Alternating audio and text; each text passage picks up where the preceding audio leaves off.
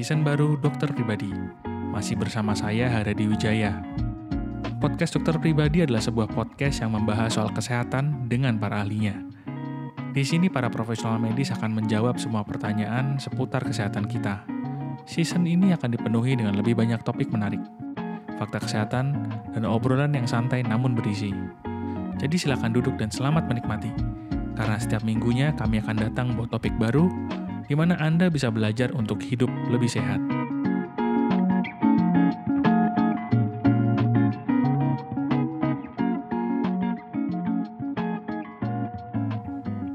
Halo pendengar, selamat datang kembali di podcast Dokter Pribadi, kembali bersama saya Hadadi Wijaya. Dan minggu ini, tepatnya besok Rabu 13 Januari 2021, rencananya Indonesia akan mulai mengadakan vaksinasi COVID-19 gelombang pertama.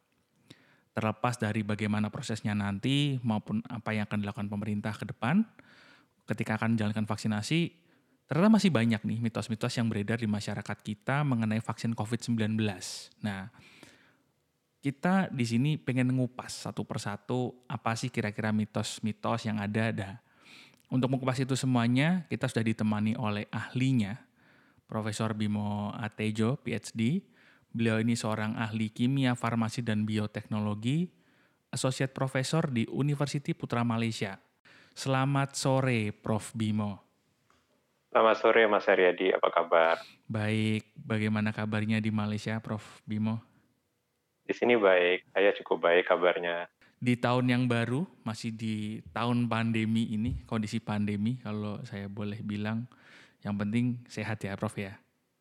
Ya, di tahun pandemi ini tujuan kita sebenarnya survive, ya. survive bisa bersama keluarga. Ya, ya, itu hal yang hal yang dulu merupakan hal yang biasa, tapi saat ini di masa pandemi hal ini menjadi sangat luar biasa. Jadi ini mendidik kita untuk lebih bersyukur, untuk lebih apa, untuk lebih uh, perhatian dengan hal-hal kecil yang selama ini uh, mungkin luput dari perhatian kita. Betul, betul. Kita bisa berdekatan, berkumpul dengan keluarga tuh hari ini sesuatu yang bahkan kalau boleh saya bilang tidak bisa dibeli dengan uang nyatanya Prof ya. Betul sekali, betul sekali.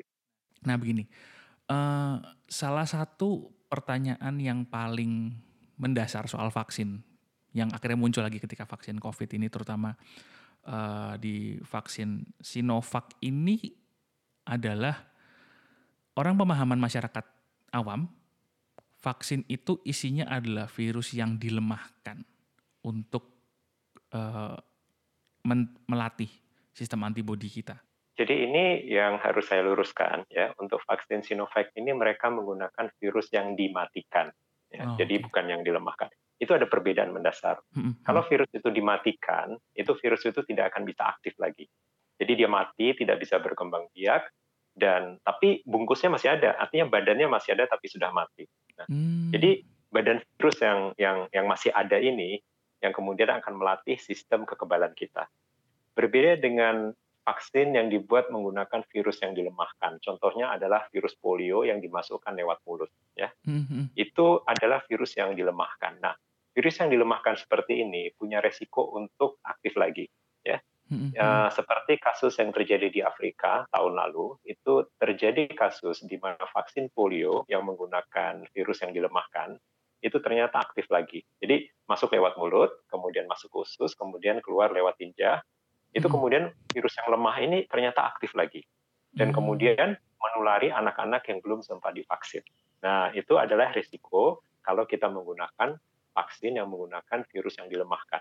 Tetapi untuk uh, vaksin Sinovac dan juga sebagian besar vaksin COVID, ya, menggunakan virus yang dilemahkan ini memiliki resiko ya seperti saya sebutkan tadi bagaimana kalau virusnya virus yang sudah dilemahkan itu kemudian aktif lagi hmm. sehingga ya cara yang paling aman adalah menggunakan virus yang dimatikan jadi betul-betul mati betul mati oh. sudah tidak bisa aktif lagi tidak bisa hidup lagi sehingga dari segi keamanan ini sangat aman jadi jadi ini yang harus saya luruskan karena saya melihat banyak sekali media massa yang masih hmm. menggunakan uh, istilah virus yang dilemahkan ini salah total salah total.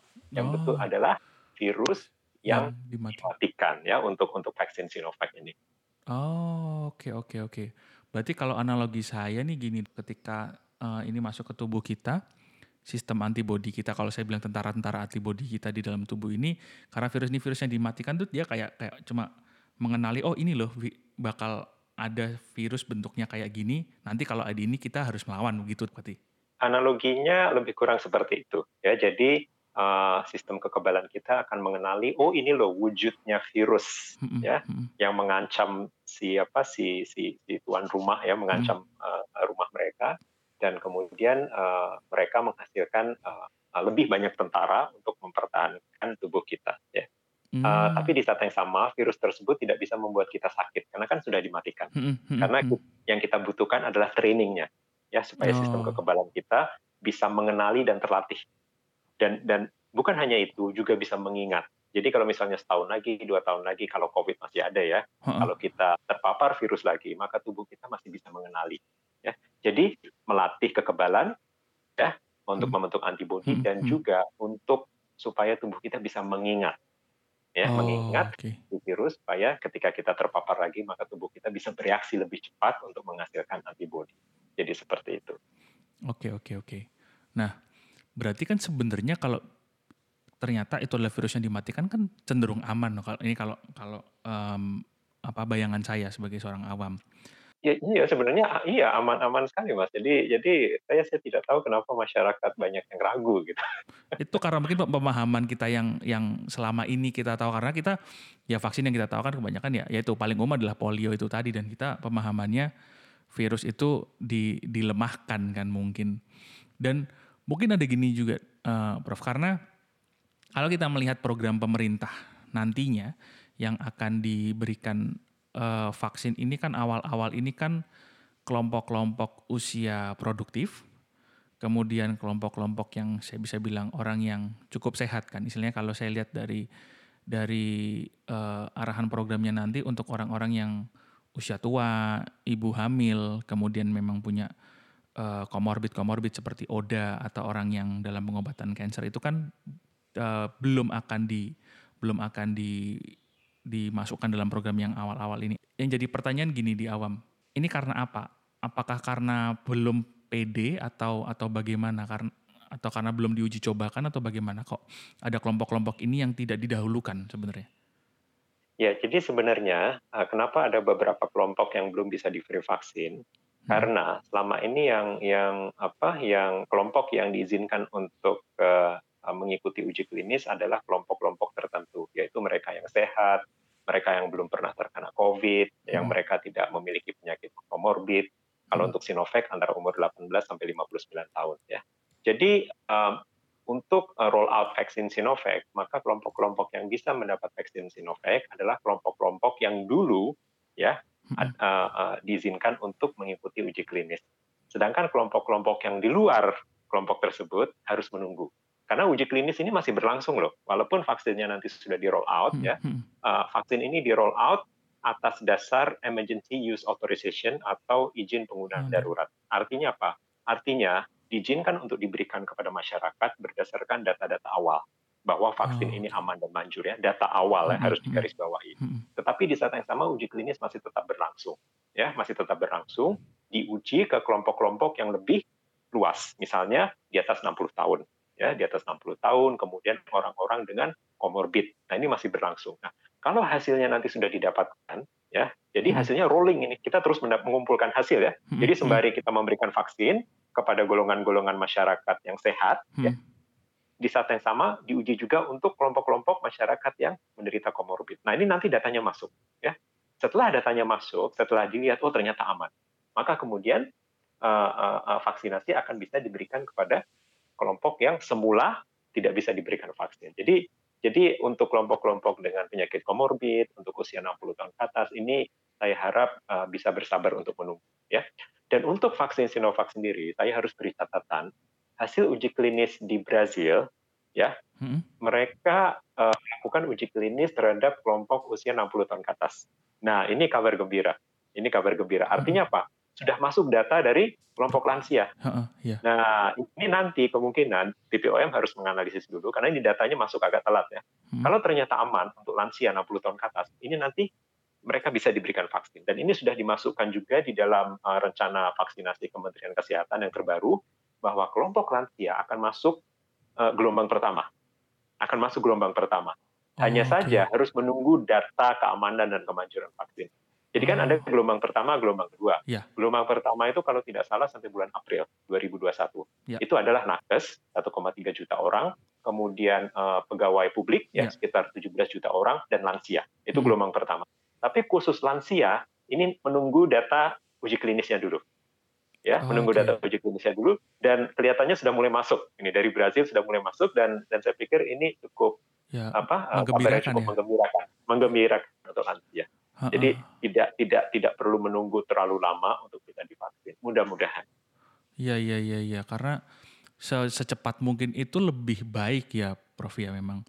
Karena Betul sekali karena karena mereka golongan rentan Mas. Golongan ya. rentan dan dan oleh karena itu kalau yang menggunakan vaksin Pfizer dan Moderna yang pertama diutamakan kan lansia. Ya, ya. ya selain nakes lansia. Nah, untuk Indonesia karena menggunakan Sinovac, saya ini tunggu dulu ya karena datanya baru masuk baru masuk ya iya betul ya.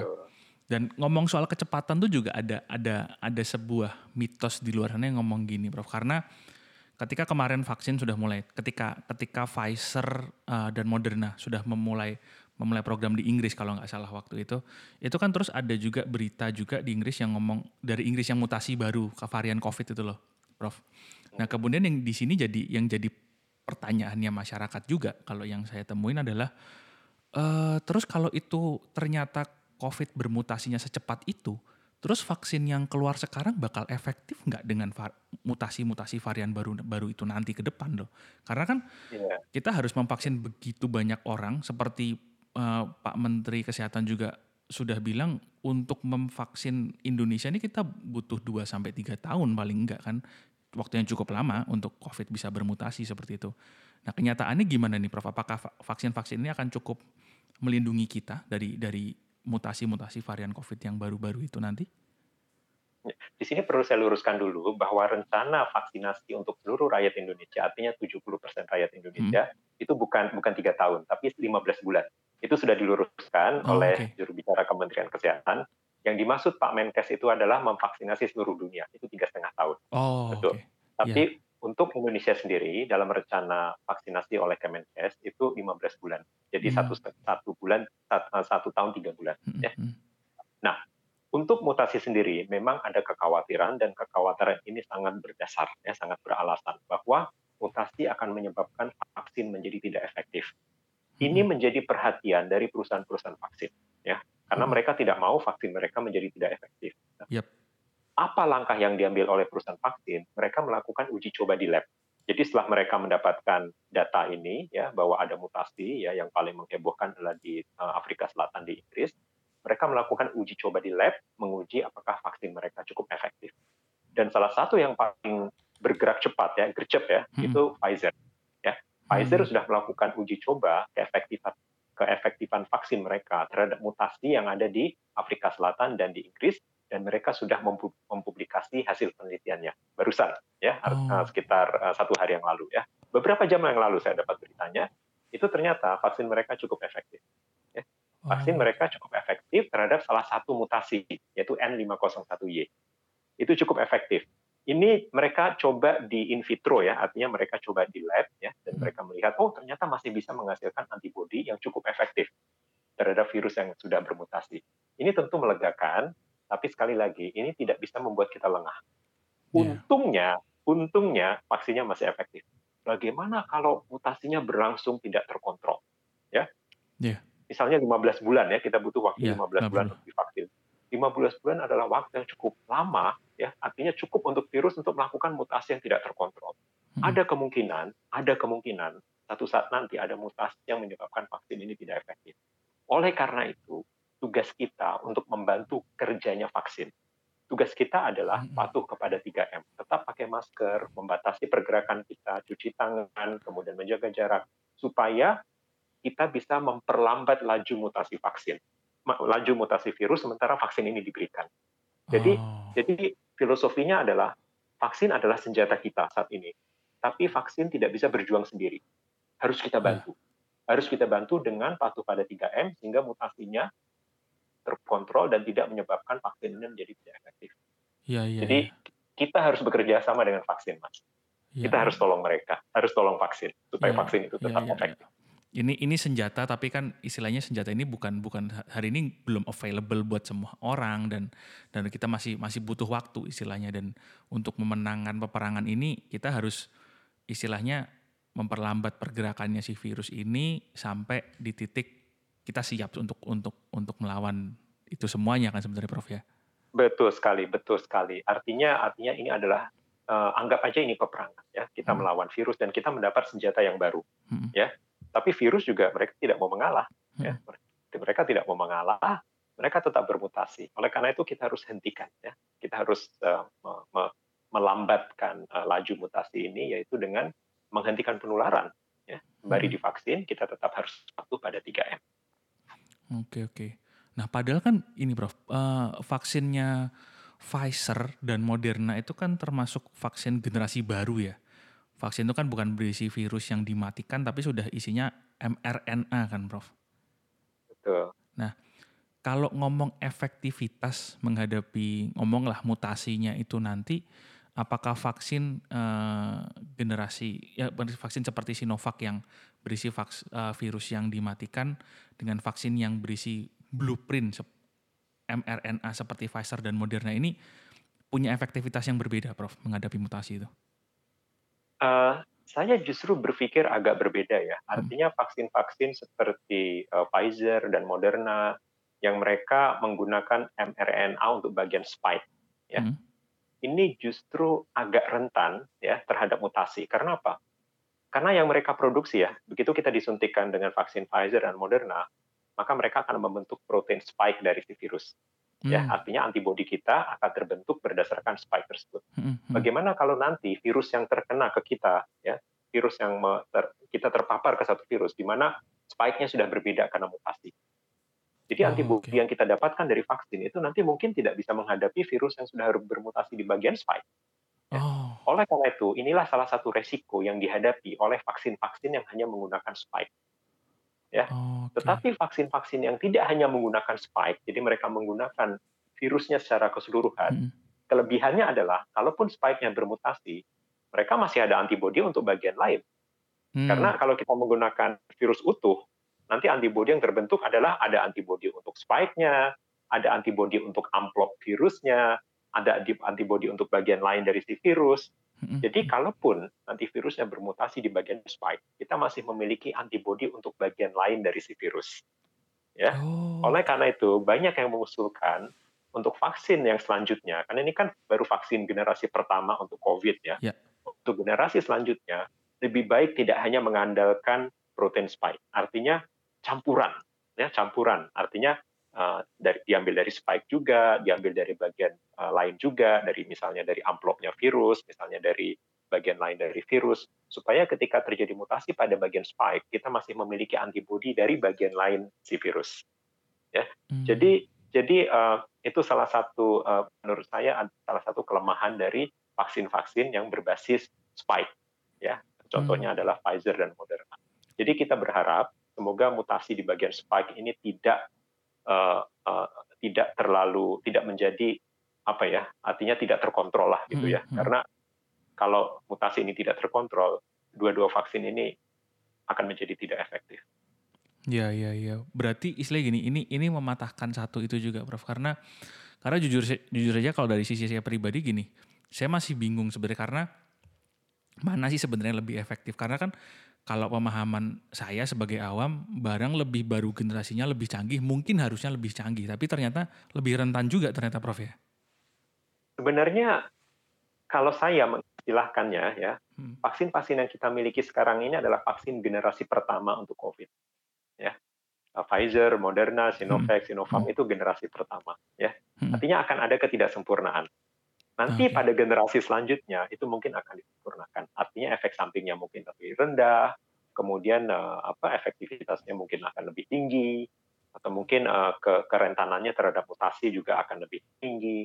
Jadi yang ada sekarang ini saya sebut sebagai generasi pertama. Dan juga harus diingat teknologi yang dipakai oleh Pfizer dan Moderna itu belum pernah dipakai oleh vaksin yang lain. Jadi masih baru. Oleh karena itu kita melihat beberapa uh, kasus efek samping yang cukup berat dari uh, penerima vaksin Pfizer dan Moderna. Oh. Jadi jadi masih masih generasi pertama mas uh, untuk untuk untuk COVID. Jadi ada banyak sekali ketidaksempurnaan. Uh, Tapi saya pikir cukup baik daripada tidak ada vaksin sama sekali kan, yeah. apalagi yeah. efektivitasnya sampai 95 persen yeah. dan kemudian uh, uh, tingkat keamanannya cukup bisa diterima dan ini kurang dari setahun loh dari sejak pandemi yeah. diumumkan yeah. sampai kita punya vaksin ini kurang dari setahun ini yeah. ini pencapaian yang luar biasa. Luar biasa. Jadi saya pikir saya pikir ini pencapaian yang cukup bagus uh, uh, untuk kita dan tentu ada ketidaksempurnaan dan dan sekarang untuk saat ini ada ratusan vaksin yang uh, sedang diteliti. Saya pikir generasi kedua, ketiga, keempat nanti akan akan lebih baik. Kalau hmm. COVID masih ada ya. Yeah, yeah. Jadi kalau sudah tidak ada ya berarti kita tidak perlu lagi vaksin generasi kedua, ketiga dan seterusnya. Ya ya, tapi tapi istilahnya kalau saya boleh bilang kan ngomong vaksin itu, uh, sorry, COVID itu masih ada atau tidak itu jadi sesuatu yang menarik, Prof. Karena hari ini di masyarakat itu adalah banyak orang yang menunggu vaksin sebenarnya.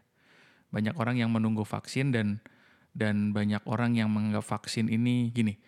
Ada mitos bahwa ketika orang divaksin itu jadi kayak Superman, kebal anti peluru dan sebagainya gitu. Padahal hmm. seperti yang kita tahu CEO-nya Moderna aja ngomong vaksin ini bukan silver bullet. Betul. Kalau melihat perkembangannya yang sekarang ini, Prof, perkembangan yang sekarang ini, sebenarnya untuk kita masyarakat awam ini apa sih yang harus kita ini apa ya mindset seperti apa yang harus kita punya karena kalau melihat tadi dari dari daftar yang menerima gelombang pertama aja gelombang pertama kan tadi nakes pejabat publik aparat kemudian ada lansia kalau kita ngomong di Indonesia mayoritas penduduk kita tuh nggak ada di gelombang pertama loh prof Betul. Nah, buat kita yang mayoritas ini, what we have to do. Ya. Jadi, jadi sementara menunggu divaksin, kita harus tetap menjalankan 3M. Ya. Hmm. Uh, mungkin sudah pada bosen ya, Betul. diulang-ulang terus 3M, 3M, 3M. Tapi kenapa kita mengulang-ulang terus? Karena ini adalah senjata kita yang terbaik. Ya. Bahkan CEO Moderna pun bilang gitu, kalau kalau lihat rekamannya ya ketika dia mengomentari hmm. soal vaksin, betul yang seperti Anda bilang, dia sendiri mengatakan vaksin ini bukan silver bullet ya, bukan senjata sapu jagat. Yeah. Tidak akan menyelesaikan masalah yeah. hanya dengan menggunakan vaksin saja ya. Karena yeah. sekali lagi belum ada data yang menunjukkan vaksin ini bisa menghentikan penularan. Artinya apa? Artinya mungkin kalau kita kena oh. COVID, gejalanya ringan. Gejalanya oh, ringan, kita tidak meninggal, tapi tidak belum bisa menghentikan penularan. Ya, jadi masih bisa menular virus. Hanya saja gejalanya ringan ya, atau tidak bergejala sama sekali. Nah, oleh karena itu, uh, vaksin bukan senjata sapu jagat. Harus ya. didukung, seperti yang dia katakan, harus didukung dengan 3M, ya, dengan menggunakan masker, jaga jarak, cuci tangan, ya. Dan itu yang bisa dilakukan oleh masyarakat, mayoritas rakyat di Indonesia yang akan menerima vaksin pada gelombang kedua. Jadi harus tetap patuh pada 3M. Karena kalau tidak patuh pada 3M, kita membiarkan penularan penularan virus tidak terkontrol, hmm. maka akan berat sekali untuk mencapai target herd immunity, artinya 70% terlindungi. Ya. Mm-hmm. Karena karena ketika vaksin sudah ketika virus sudah menular secara tidak terkontrol, maka mutasi juga tidak terkontrol. Ketika mutasi tidak terkontrol, maka seperti saya katakan tadi ada kemungkinan vaksin menjadi tidak efektif. Jadi itu yang harus harus dilakukan oleh masyarakat, yang harus dipahami oleh masyarakat bahwa kuncinya ada di kita. Yeah. Kita ingin mengakhiri pandemi ini secepat-cepatnya, caranya sederhana, 3M, dan ini sudah dibuktikan di negara lain seperti di New Zealand, di, di, di apa di Taiwan, di Cina, mereka bisa mengendalikan COVID tanpa vaksin. Kuncinya ya. apa? Kuncinya 3M. Tanpa vaksin, tanpa vaksin, ya. Jadi mereka bisa mengendalikan dengan pendekatan public health, ya pendekatan uh, kesehatan masyarakat dengan patuh pada 3M. Jadi kalau masyarakat uh, bisa patuh dengan itu, ya dengan 3M, sementara menunggu divaksin, maka saya yakin COVID ini akan cepat hilang, akan lebih cepat hilang ketimbang kalau masyarakat hanya mengandalkan vaksin tetapi tidak menjalankan 3M. Iya, iya, iya, iya, iya. Uh, menarik karena seperti Prof katakan orang mikirnya adalah ketika orang sudah mendapatkan vaksin dia tidak akan tertular atau bahkan dia tidak akan oh. bisa menularkan. Padahal Oh, tidak, tidak. Tidak, tidak. Jadi jadi kalau kita lihat uh, protokol uji klinisnya ya, ya dari dari vaksin-vaksin yang ada itu target mereka adalah untuk mengurangi illness. Nantinya kalau oh, kita terpapar, okay. mengurangi gejala okay. atau menekan angka kematian. Itu target mereka. Ya. Okay. Hanya vaksin AstraZeneca yang yang dari Inggris, yeah. dalam protokolnya mereka juga menargetkan bisa mengurangi penularan. Hanya vaksin AstraZeneca. Tetapi vaksin lain dalam protokolnya target mereka jelas. target mereka bukan untuk menghentikan penularan, tapi untuk uh, uh, menurunkan angka illness ya masyarakat yang sakit ya, ya. dan juga mereka yang uh, meninggal. Kalaupun nanti vaksin ini ternyata bisa menghentikan penularan, tentu bagus. Ya. Yep. Tapi itu hanya bisa kita dapatkan datanya setelah beberapa bulan. Seperti misalnya vaksin Moderna, ya, itu hmm. ada indikasi, ada indikasi awal kelihatannya bisa menghentikan penularan, tapi datanya belum solid. Hmm. Ada indikasi. Dan juga vaksin AstraZeneca juga ada indikasi, ya walaupun datanya belum solid, hmm. bahwa vaksin ini juga bisa menghentikan penularan. Tetapi uh, untuk apa? Untuk data yang paling jelas adalah vaksin ini bisa mengurangi gejala dan juga menekan angka kematian. Menghentikan penularan kita belum tahu. Jadi ini yang harus dipahami oleh masyarakat. Sekali lagi vaksin bukan silver bullet, bukan senjata sabu jagat. Oke, berarti kenyataannya juga setelah kita divaksin pun kita itu harus tetap bermasker, tetap harus menjaga menjaga jarak, physical distancing, kita juga harus tetap menjaga kebersihan karena ya mau kita mau vaksin itu membantu mengurangi illnessnya, mengurangi gejala, kita masih bisa bertertular nih dan tetap yang terbaik adalah kita melindungi supaya kita nggak tertular begitu berarti Prof betul sekali ya betul sekali jadi yang harus dipahami setelah kita divaksin tetap harus menjalankan 3M terus ada yang bertanya-tanya kalau gitu buat apa divaksin betul ya, buat apa divaksin ya. kan ada yang bertanya-tanya ya. kan ya. menurut saya divaksin tetap ada manfaatnya ya yaitu melindungi kita dari illness ya hmm, karena kita mungkin saja lengah ya artinya sudah pakai masker tapi tetap terpapar ya. kayak nakes, nakes di rumah sakit sudah yeah. pakai APD ternyata yeah. masih ada yang kena. Yeah. Ya. Jadi sampai sekarang lebih dari 500 nakes yang sudah gugur. Mereka yeah. pakai APD dan APD-nya bukan hanya masker, APD-nya seperti astronot, yeah. tapi tetap bisa terpapar. Apalagi kita yang hanya memakai masker. Ada kemungkinan kita kita terpapar karena penyebaran virus di Indonesia sekarang sudah sangat tidak terkontrol. Ya. Yep. Artinya kita melakukan tracing pun sudah sulit. Anda yeah. terpapar dari siapa, terpapar dari siapa sudah yeah. sudah sangat sulit sekali yeah. untuk mengetahuinya ya. Nah, kalau kita divaksin jadi kalaupun kita terpapar, maka gejalanya akan ringan atau malah tidak bergejala. Nah, jadi kita punya perlindungan ekstra. Jadi selain uh, masker, kita memiliki perlindungan ekstra. Gitu. Dan mudah-mudahan ya setelah vaksin ini di roll out dan hmm. kemudian setelah berjalan beberapa bulan, kita mudah-mudahan kita akan tahu apakah vaksin ini juga menghentikan penularan. Mudah-mudahan juga menghentikan penularan tapi saya hmm. tidak bisa menjamin karena datanya belum ada gitu. Ya, ya, ya, ya, ya. Berarti tetap uh, bukan karena ada vaksinnya kita jadi nggak waspada, tetap harus waspada, tetap harus ya kalau saya boleh bilang mungkin sebenarnya COVID ini uh, kita di box dokter pribadi itu kayak punya kesimpulan. Ya kayaknya ini memang waktunya untuk kita semua, terutama di Indonesia orang sadar bahwa kesehatan itu kita ini loh yang bertanggung jawab bukan bukan tenaga medis, bukan dokter, bukan siapa pun sebenarnya Prof ya. Betul. Jadi jadi ini adalah dasar ilmu kesehatan yang paling basic ya sebenarnya bahwa kita mau sehat atau sakit itu tergantung kita sendiri. Ya. ya. Artinya langkah-langkah pencegahan itu ada langkah-langkah pencegahan yang sangat sederhana yang bisa kita lakukan. Ya. Yep. Artinya anak kecil pun bisa melakukannya. Misalnya cuci tangan, pakai masker itu kan sudah diajarkan dari SD ya. Betul, betul. Uh, cuci tangan. Ya. Artinya ini adalah saat-saat di mana kita diingatkan kembali tentang nilai-nilai dasar, ya, yaitu mengenai kebersihan, uh, mengenai apa tentang cuci tangan, mandi segala macam. Ya saya pikir ini waktunya kita untuk kembali ke nilai-nilai dasar, nilai-nilai luhur yang sudah diajar yang diajarkan ke kita sejak tentang kebersihan segala macam tentang penjagaan kesehatan gitu. Betul. Jadi jadi karena virus itu kalau di luar tubuh itu lebih mudah menghandlenya mas. Artinya oh. dilap pakai dilap pakai sabun aja juga hilang, bahkan sabun tanpa antiseptik ya. Huh. Tapi begitu sudah masuk ke tubuh, nah itu kita perlu obat, perlu vaksin segala macam. Jadi akan lebih mudah kita menghancurkan virus ini kalau kalau kalau dia masih ada di luar tubuh kita. Gitu. Jadi ya betul seperti Anda katakan, ini adalah momen yang tepat untuk kita untuk kembali ingat pada nilai-nilai yang sudah lama diajarkan ke kita. Yeah. Menjaga kesehatan, menjaga stamina ya. Yeah. Karena yeah kita lihat sendiri misalnya orang yang OTG ya orang COVID yang OTG atau gejalanya ringan ini kan tidak diberikan obat tapi yang iya. diberikan yeah. kepada mereka adalah vitamin makanan sehat hatinya harus gembira yeah. tidak stres ini kan sesuatu yang seharusnya sudah kita lakukan baik ada COVID ataupun tidak ada COVID kan? betul artinya makan empat sehat lima sempurna olahraga berjemur kok baru sekarang orang berjemur yang seharusnya zaman saya kecil dulu pagi-pagi itu ada SPI senam pagi Indonesia kita harus berjemur sekarang saya nggak tahu masih ada atau enggak kan ya, itu ya.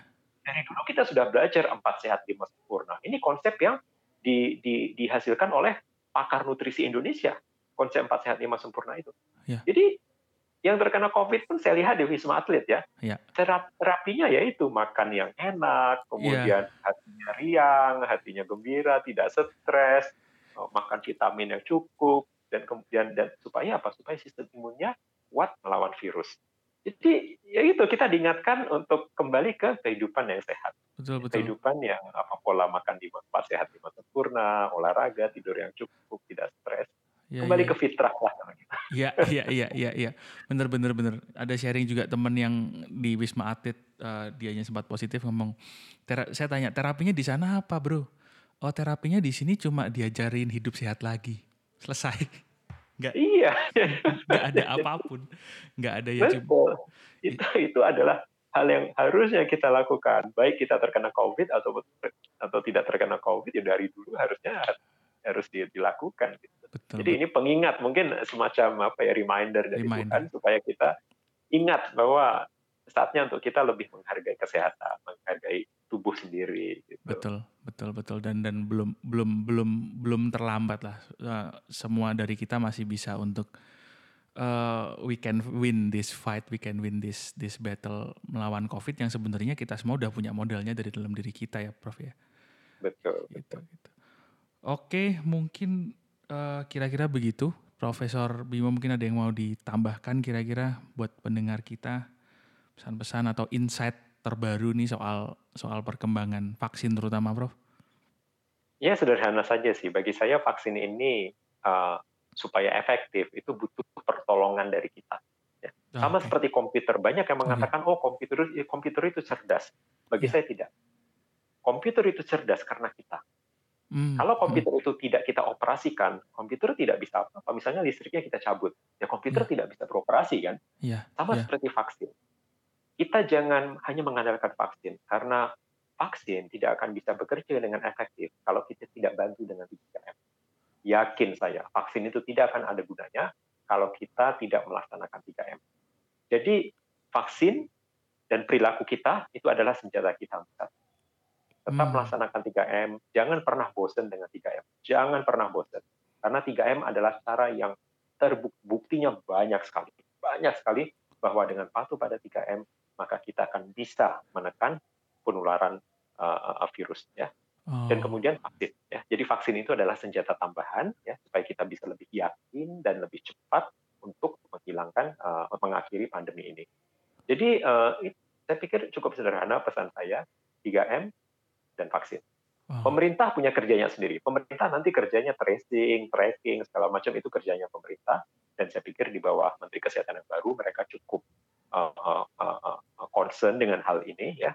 Tetapi kita sebagai masyarakat adalah 3M ya dan ketika waktunya tiba untuk kita divaksinasi, yakin bahwa vaksinasi yang sudah uh, di, diloloskan oleh BPOM dengan izin penggunaan darurat adalah vaksin yang aman dan juga vaksin yang manjur. Yakin dengan itu. Yep, 3M yep, yep.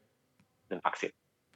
Betul, betul. Harus harus diyakini, diimani, diamini dan ya tadi protokolnya hidup sehatnya harus dilakukan. Ya, Betul ya. Oke, oke mungkin kira-kira begitu Prof Bimo. Sekali lagi terima kasih ini untuk waktunya, untuk sharingnya yang luar biasa. Semoga apa yang di-sharing di sini bisa mencerahkan, membukakan mata pemahaman pendengar kita seperti membukakan pemahaman saya hari ini banyak sekali info-info baru ini. Terima kasih Prof Bimo. Baik, terima kasih Mas Haryadi. Ya, salam untuk uh, semua uh, follower dokter pribadi. Semoga apa yang kita diskusikan hari ini bermanfaat untuk ya. semua orang.